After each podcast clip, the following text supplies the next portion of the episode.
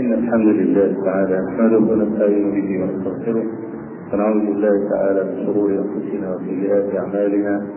من يهد الله تعالى فلا مضل له ومن يضلل فلا هادي له. أشهد أن لا إله إلا الله وحده لا شريك له وأشهد أن محمدا عبده ورسوله. أما بعد فإن أصدق الحديث كتاب الله تعالى وأحسن الهدي هدي محمد صلى الله عليه وآله وسلم. وشر الأمور محدثاتها وكل محدثة بدعة وكل بدعة ضلالة وكل ضلالة في النار. اللهم صل على محمد وعلى آل محمد كما صليت على إبراهيم وعلى آل إبراهيم في العالمين إنك حميد مجيد. وبارك على محمد وعلى آل محمد كما باركت على إبراهيم وعلى آل إبراهيم في العالمين إنك حميد مجيد. قال الإمام مسلم رحمه الله حدثنا منصور بن أبي مزاحم حدثنا إبراهيم بن سعد عن صالح بن شيخان حاء وحدثنا زهير بن حرب والحسن بن علي الحلواني وعبد بن حميد واللفظ لهم. قالوا حدثنا يعقوب بن إبراهيم حدثنا أبي عن صالح عن ابن شهاب حدثني أبو أمامة بن سهل أنه سمع أبا سعيد الخدري يقول قال رسول الله صلى الله عليه وآله وسلم بين أنا نائم رايت الناس يعرضون وعليهم قمر. منها ما يبلغ السدي ومنها ما يبلغ دون ذلك ومر عمر بن الخطاب وعليه قميص يجر قالوا ماذا أولت ذلك يا رسول الله؟ قال الدين. وهذا الحديث رواه الإمام البخاري في كتاب الإيمان لأن مسلما رحمه الله رواه من طريقين عن سعد بن إبراهيم. الطريق الأول على فيه مسلم بينه وبين سعد بن إبراهيم إلا راو واحد وهو شيخه منصور بن أبي مزاحم. قال حدثنا منصور بن أبي مزاحم حدثنا إبراهيم بن سعد. الإسناد الثاني بينه وبين إبراهيم بن سعد طبقتان. قال حدثنا زهير بن حرب والحسن بن علي الحلواني وعبد بن حميد ثلاثتهم عن يعقوب بن إبراهيم بن سعد. قال حدثنا أبي إبراهيم بن سعد. يبقى هو الإمام مسلم فصل بين الإسنادين لأن الأول عالي والثاني نازل يعني بمصطلح المحدثين. الإسناد الأول رواه الإمام البخاري رحمه الله في كتاب الإيمان قال حدثنا محمد بن عبيد الله قال حدثنا إبراهيم بن سعد. الإسناد الثاني رواه البخاري أيضا في كتاب تعبير من صحيحه قال حدثنا علي بن عبد الله قال حدثنا يعقوب بن إبراهيم. علي بن عبد الله اللي هو علي بن المدينة. وهذه رؤيا منام لرسول الله صلى الله عليه وسلم فرأى الناس يعرضون عليه وعليهم قمص قميص اللي هو إيه؟ اللي هو هذا الذي يتدثر به الفرد ويخطئ كثير من الإخوة ويسميه جلباب. والجلباب هو لباس المرأة وليس لباس الرجل.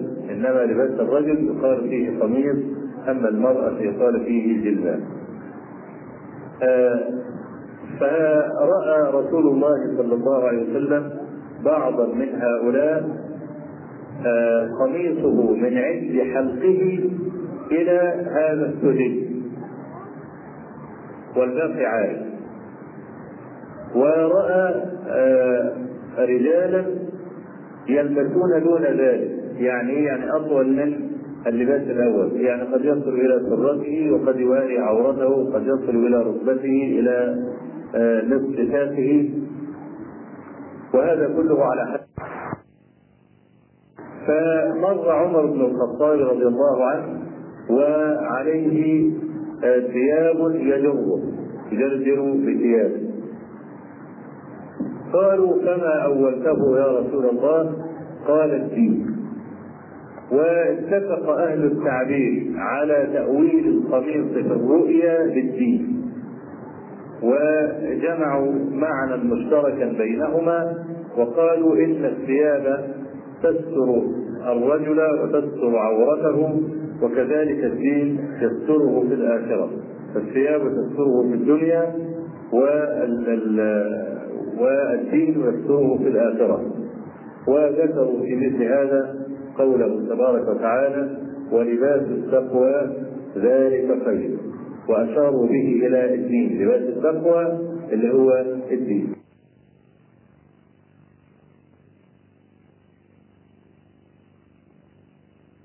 كل العلماء إن في الواقع لا يجوز أن يجر الرجل الذكر ازاره على الأرض. هذا حق. كان شيخ الإسلام ابن تيمية يذهب إلى كراهه الجر ولكنه اختار الحرمة في حياته ذهب إلى تحريم اسبال الازار وهو الصحيح لأن الأحاديث التي وردت في النهي عن جر الازار تنقسم إلى قسمين. القسم الأول في العقوبات يعني. القسم الأول قوله صلى الله عليه وسلم أسفل الكعبين من الازار ففي النار. والقسم الثاني كقوله صلى الله عليه وسلم ثلاثة لا ينظر الله عز وجل إليهم يوم القيامة ولا يكلمهم ولهم عذاب أليم من هؤلاء الثلاثة المسبل إزار وفسروا الحديث الثاني هذا بالذي أسبل إزاره خيلاء لذلك بعثت عليه العقوبة بإعراض الله تبارك وتعالى عنه. ومن أعرض الله عز وجل عنه فلم يرحمه فهو في النار قطعا. أما القسم الأول أسفل الكعبين من الإزار ففي النار فهذا يرجى له أكثر مما يرجى للقسم الثاني. كالعلماء لما ذكروا الكبيرة وذكروا عن العلامات الكبيرة قالوا ما توعظ صاحبه عليها بالنار أو باللعن أو بالطرد أو بالخس أو نحو ذلك. فكل هذا من علامات الكبيرة. فهذا في, اليقظة حرام. اليقظة في الشرع حرام. لا يجوز أن يجر الرجل إزاره ولا يسكنه دون الكعبين. دون الكعبين. وكثير من المسلمين بكل أسف ابتلي بهذه الفاخرة وبكل أسف أيضا كثير ممن ينتمون إلى العلم الشرعي. تجد جببهم وقصاصينهم تجدر على الأرض. ويزعمون أن أبا بكر الصديق رضي الله عنه كان يلقي إزاره وهؤلاء غالطون أو كاذبون. فأبو بكر الصديق رضي الله عنه ليس ممن يفعل ذلك ابدا والذي يظن أن أبا بكر يفعل ذلك فلم يعرف قدر أبي بكر رضي الله عنه. مستحيل على مثل أبي بكر الصديق أن يسمع نهي النبي صلى الله عليه وسلم عن جر الإزار ثم يجر إزاره ويأتي معتذرا عن هذا الجر إنما كان الصديق رضي الله عنه يشد إزاره فوق الكعبين اولا. ثم لنحاسه بدنه كان شق من شق الإزار يسترخي ثم هو يتعاهده بشده إلى أعلى. كلما يعني استرخى هذا الإزار شداه إلى أعلى. فهل يا ترى الذين يتشبثون بمثل هذا الوهم على أبي بكر الصديق رضي الله عنه رأينا واحدا منهم يشد جبته مثلا إلى فوق أو يتعاهدها كما كان يفعل أبو بكر الصديق رضي الله عنه؟ ابدا. إنما كان إنما هؤلاء يجرون يعني أو يسجلون يعني أجرهم دون الكعبين وبكل أسف يعني وجدوا من فتاوى بعض العلماء كالنووي وغيره آه جواز تطويل الإزار إذا لم يكن بقصد الخيلاء وقد تكلمت عن هذه المسألة كثيرا ولعل أغلب الحضور أحاط ب يعني كلامي في في هذه المسألة.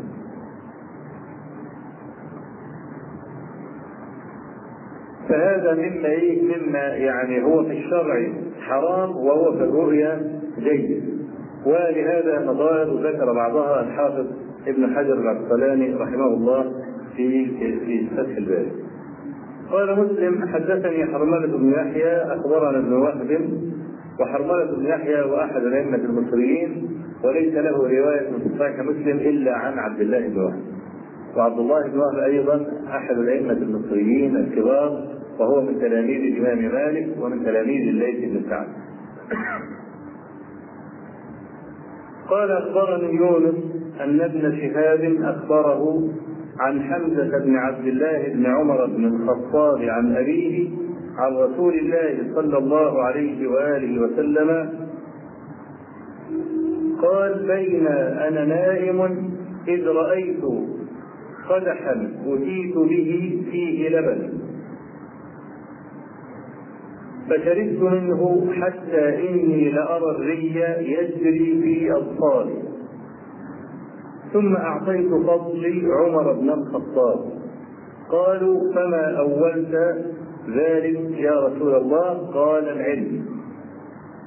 وهذا الحديث أخرجه الإمام البخاري رحمه الله في كتاب فضائل الصحابة. قال حدثنا محمد بن الصلت أبو جعفر الكوفي وأخرجه أيضا في كتاب التعبير قال حدثنا عبدان كلاهما عن عبد الله بن المبارك عن يونس بن يزيد الأيلي عن ابن شهاب بمثل سند الإمام مسلم رحمه الله.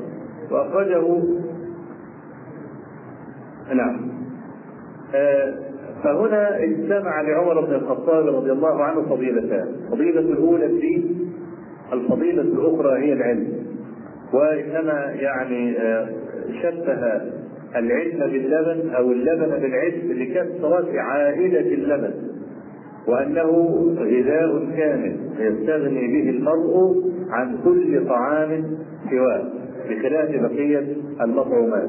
فهو غذاء وهو شراب في ذات الوقت ويسمونه الغذاء الكامل ولذلك كان غذاء مفردا للأطفال في حال بنيان جسومهم. والعمر بن الخطاب رضي الله عنه معروف بعلمه وحسبك خطابه في القضاء الذي شرحه ابن القيم رحمه الله في أربعة مجلدات ولم يستوفي ابن القيم مع أنه أصمت جدا في هذا الشرح وأتى فيه بنتائج ويعد هذا الكتاب من العجائب وأفضل كتاب في أصول الفقه العملي. عايز يدرس أصول الفقه النظري الكتب كثيرة. أما أصول الفقه من الجهة العملية فأنا لا أعلم كتابا مثل كتاب ابن القيم إعلام الموقعين عن رب العالمين. وهذا الكتاب شرح لخطاب عمر بن الخطاب إلى أبي موسى الأشعري فيما يتعلق بمسألة القضاء. وقد اتفقت الأمة جميعا على أن عمر بن الخطاب رضي الله عنه من المجتهدين بل على رأس مجتهد أمة رسول الله صلى الله عليه وسلم ولأن فترة خلافته طالت فقد قضى في عشرات المئات من القضايا النازلة. النازلة أي التي لم يكن لها نظير في عهد رسول الله صلى الله عليه وسلم واجتهد هو فيها وكان على اجتهاده من النور ما لا يخفى على كل قائم لفتاواه وجمع ابن القيم رحمه الله في هذا الكتاب فتاوى كثيرة لعمر ولغيره. قال مسلم وحدثناه أي الحديث الذي مضى. قتيبة بن سعيد حدثنا ليث عن عقيل ليث بن سعد. حاء وحدثنا الحلواني وعبد بن حميد كلاهما عن يعقوب بن إبراهيم بن سعد. حدثنا أبي عن صالح بإسناد يونس نحو حديثه.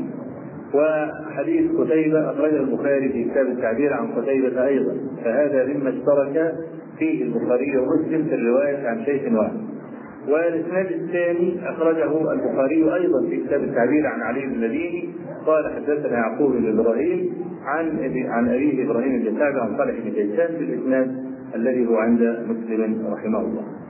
حدثنا حرملة بن يحيى أخبرنا ابن وهب أخبرني يونس عن ابن شهاب أن سعيد بن المسيب أخبره أنه سمع أبا هريرة يقول سمعت رسول الله صلى الله عليه وسلم يقول بين أنا نائم رأيتني على قليل عليها دلو فنزعت منها ما شاء الله ثم أخذها ابن أبي قحافة فنزع بها ذنوبا أو ذنوبين وفي نزعه والله يغفر له ضعف.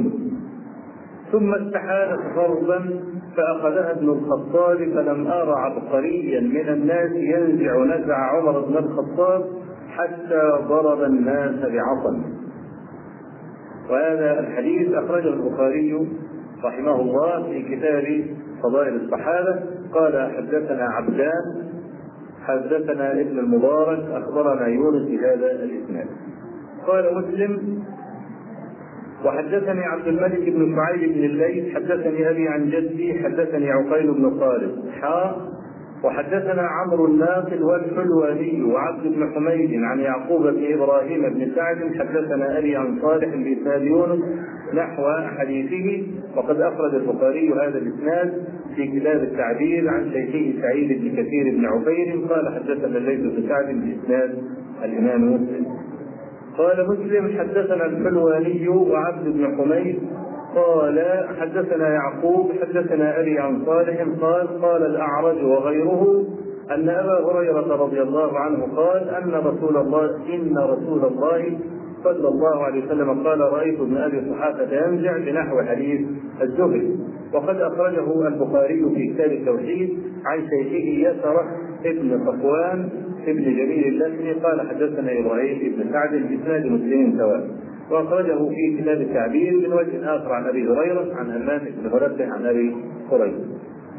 آه هذا الحديث فيه إشارة إلى آه خلافة أبي بكر وعمر.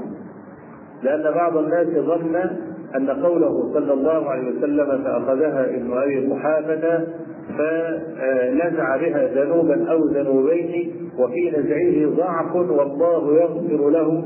ظنوا أن هذا من النص الذي يلحق أبا بكر رضي الله عنه لقوله وفي نزعه ضعف والله له. وإنما يستغفر رسول الله صلى الله عليه وسلم لمن إيه؟ لمن يعني أحدث ذنبا أو لمن لم يأتي بالأمر على وجهه. وليس الأمر كذلك كما ذكر أهل العلم. بل قالوا والله يغفر له كانت كلمة لسان الصحابة بل آه على آه يعني لسان العرب قبل الإسلام. كان الواحد منهم يقول للآخر افعل كذا والله يغفر لك. في نزعه ضعف إشارة لارتداد العرب أو ارتداد كثير من العرب عن الدين. فظل طيلة خلافته يقاتل في سبيل إسلام هذا الدين. فلما سكن الفتنة وأخذها عمر بن الخطاب رضي الله عنه وطالت مدة خلافته وانتشرت الفتوحات في عصره رضي الله عنه حتى دخل كثير من العجم في دين الله عز وجل. وفي هذا حديث في صحيح مسلم أن أبا هريرة رضي الله عنه كان يتوضأ فالتفت يعني حوله فلم يجد أحدا معه في الميضاء فشمر أكمامه إلى هنا. وغسل يديه إلى هنا. وغسل يديه في الوضوء إنما هو إلى؟ إلى المرافق إنما أبو هريرة غسل لما التفت وجد جماعة من التابعين. من من أصولهم من العجم. أصولهم من العجم. فلما رآهم ثم ها هنا يا بني فروخ إشارة إلى كثرة دخول العدم في الإسلام. هو خذا وابن نوح يقولون هو ابن من أبناء لو علمت مكانكم ما توضأ هذا. إني سمعت النبي صلى الله عليه وسلم يقول تبلغ حلية المؤمن حيث يبلغ وضوءه. والعلماء بعض العلماء على خالف أبا هريرة في هذا الفهم يعني. قالوا الحلية والغرة إنما تكون على القدم أو على الوجه. فالعجم في خلافة عمر رضي الله عنه دخل كثير منهم في دين الله عز وجل. وطبعا دخول الناس ومع كثرة المعاملات وتشابكها يحدث أنواع جديدة من المسائل التي لم تكن قبل ذلك. فيجتهد فيها عمر بن الخطاب والصحابة معه حتى خرجوا ألوف الأحكام من النصوص التي كانت معروفة للصحابة رضي الله عنهم. فهذا قول النبي صلى الله عليه وسلم ثم استحالت غربا. الذنوب الوجل العادي المعروف بتاعنا ده الجردل اللي إحنا عارفينه. والغرب هو الذنوب الواسع الكبير. يبقى كأن ذنوب أبي بكر الصديق كان ضيقا أن عمر بن الخطاب فاستحالت غربا. حالت غربا يعني تحول هذا الذنوب أو الدلو الصغير إلى دلو كبير جدا قال فلم أرى عبقريا من الناس والعبقري هو السيد ينزع نزعه حتى ضرب الناس بعصر يعني الذي شربوا وتركوا الماء وهذا يعني واضح من من خلافة عمر بن الخطاب وحيث ساد العدل وساد الماء وفاض الخير في زمانه رضي الله عنه. حدثني أحمد بن عبد الرحمن بن وهب حدثني عمي عبد الله بن وهب أخبرني عمرو بن الحارث أن أبا يونس مولى أبي هريرة حدثه عن أبي هريرة عن رسول الله صلى الله عليه وسلم قال بين أنا نائم أريد أني أنزع على حوضي اسقي الناس. فجاءني أبو بكر فأخذ الدلو من يدي ليروحني. يروحني يعني يريحني. فنزع دلوين وفي نزعه ضعف والله يغفر له. وطبعا ده فيه إشارة واضحة إلى الخلاف. النبي صلى الله عليه وسلم كان هو الحاكم وهو مرجع الأمور إليه. فلما توفي رسول الله صلى الله عليه وسلم أخذها أبو بكر الصديق ثم عمر بن الخطاب. فهذا إشارة أيضا إلى الخلاف. فجاء ابن الخطاب فأخذ منه أخذ منه أي من أبي بكر فلم أرى نزع رجل قط أقوى منه حتى تولى الناس والحوض ملآن يتفجر. وطبعا يعني في زمان عمر الخطاب لم تكن هناك لا فتنة ولم تكن هناك خلافات ويعني ما كان أحد قط يجرؤ على أن يفعل هذا وعمر حي. بسبب شده حجمه وقد سئل علي بن أبي طالب رضي الله عنه لماذا يعني كثرت الخلافات في عصرك ولم تكثر في عصر عمر؟ قال لأن عمر كان واليا على مثلي وأنا وال على مثلك. فلما نوعية الرجال كان عمر بن الخطاب واليا وكان حازما فلم يطمع فيه أحد أبدا إنما عثمان بن عفان بسبب رفقته وبسبب وصله لرحمه وكان محقا في اختياره. لا نقول كما يقول الرافضة الذين يقولون أن عثمان بن عفان قرب أقرباءه إلى الحكم على حساب دين الله فحاش عثمان بن عفان أن يفعل مثل هذا. لكنه قال إن عمر اشتد على قرابته في ذات الله وأنا وصلت قرابتي في ذات الله. ولما وقع خلاف كما في مسند الإمام أحمد بين عبد الرحمن بن عوف وبين عثمان بن عفان في بعض في بعض القضايا. عثمان إلى عبد الرحمن يسأله لما هذا الغضب؟ فكان من جملة ما قاله عبد الرحمن بن عوف إنك خالفت سنة عمر.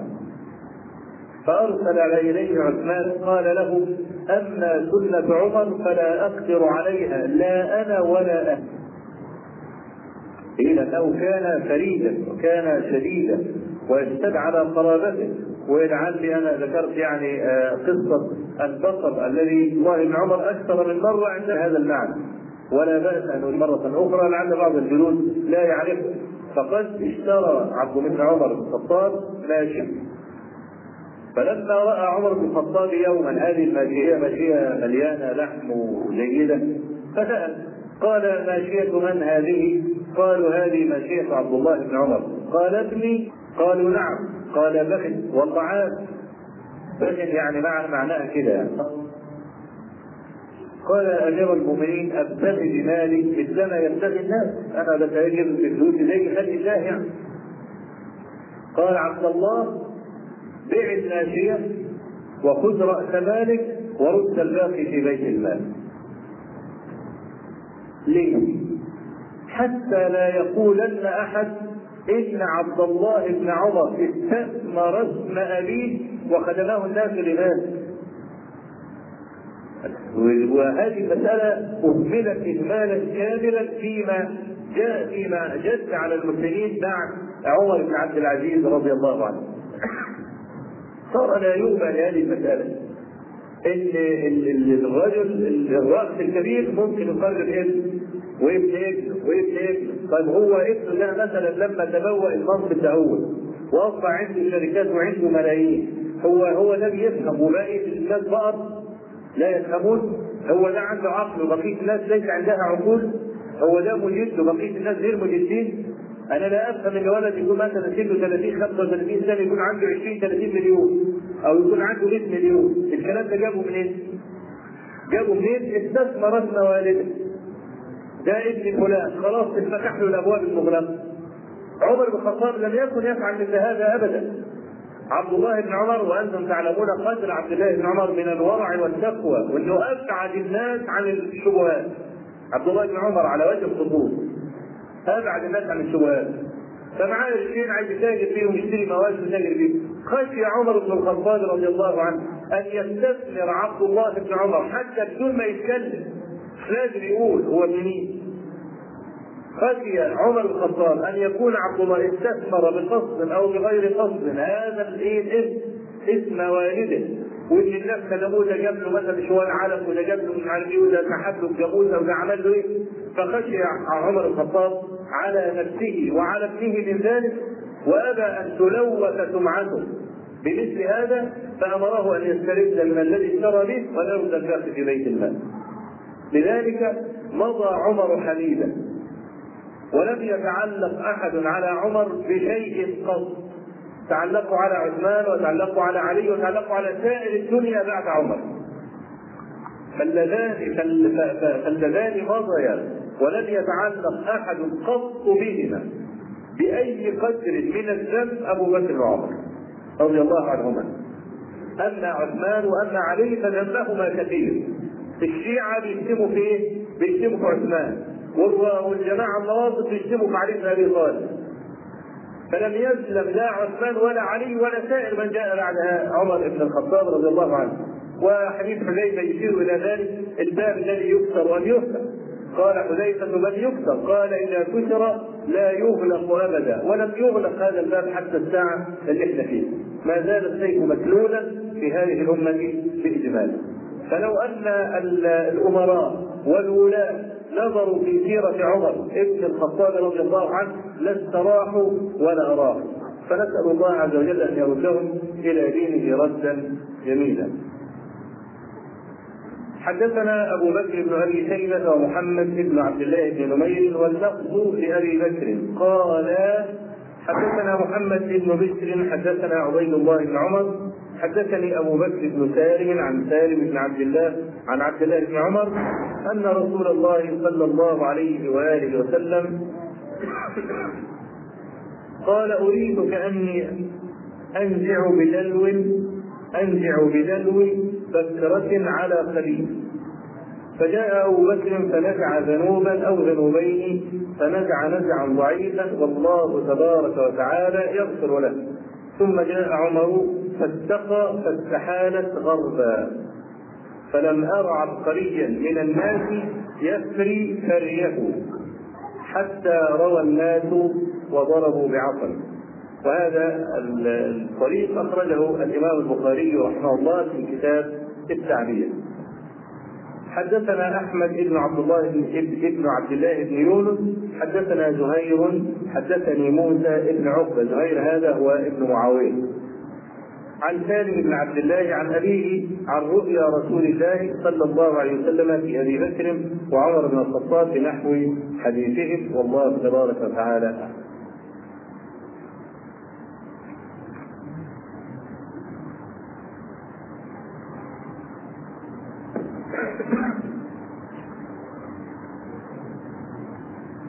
يسأل يعني يسأل أحد الإخوة عن الدليل على المحافظة على قراءة جزء في كل ليل أو تسلسل القراءة ونحو ذلك.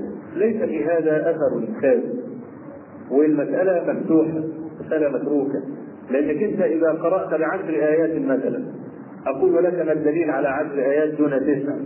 فلو قرأت تسع قلت نفس الكلام. فلو قرأت في الآية الأولى ما في الركعة الأولى مثلا تسعة وفي الركعة الثانية ثمانية أقول لك طب إيه الدليل؟ فلو نوعت أقول ما هو الدليل أيضا. فالمسألة متروكة مسألة طول القراءة من قصر القراءة. هذه مسألة متروكة وقد سئل رسول الله صلى الله عليه وسلم عن أفضل الصلاة بعد الفريضة. قال طول القنوت. طول القنوت اللي هو القيام. وهذا الركن واشرف أو من أشرف أركان الصلاة كلها لأن فيه القراءة وفيه التسبيح وكلما طال هذا الركن كان أجود لصاحبه. كان النبي صلى الله عليه وسلم يطيل هذا الركن كثيرا اللي هو ركن الوقوف لأنه ركن يعني وهو أشرف أركان الصلاة على الإطلاق. نعم.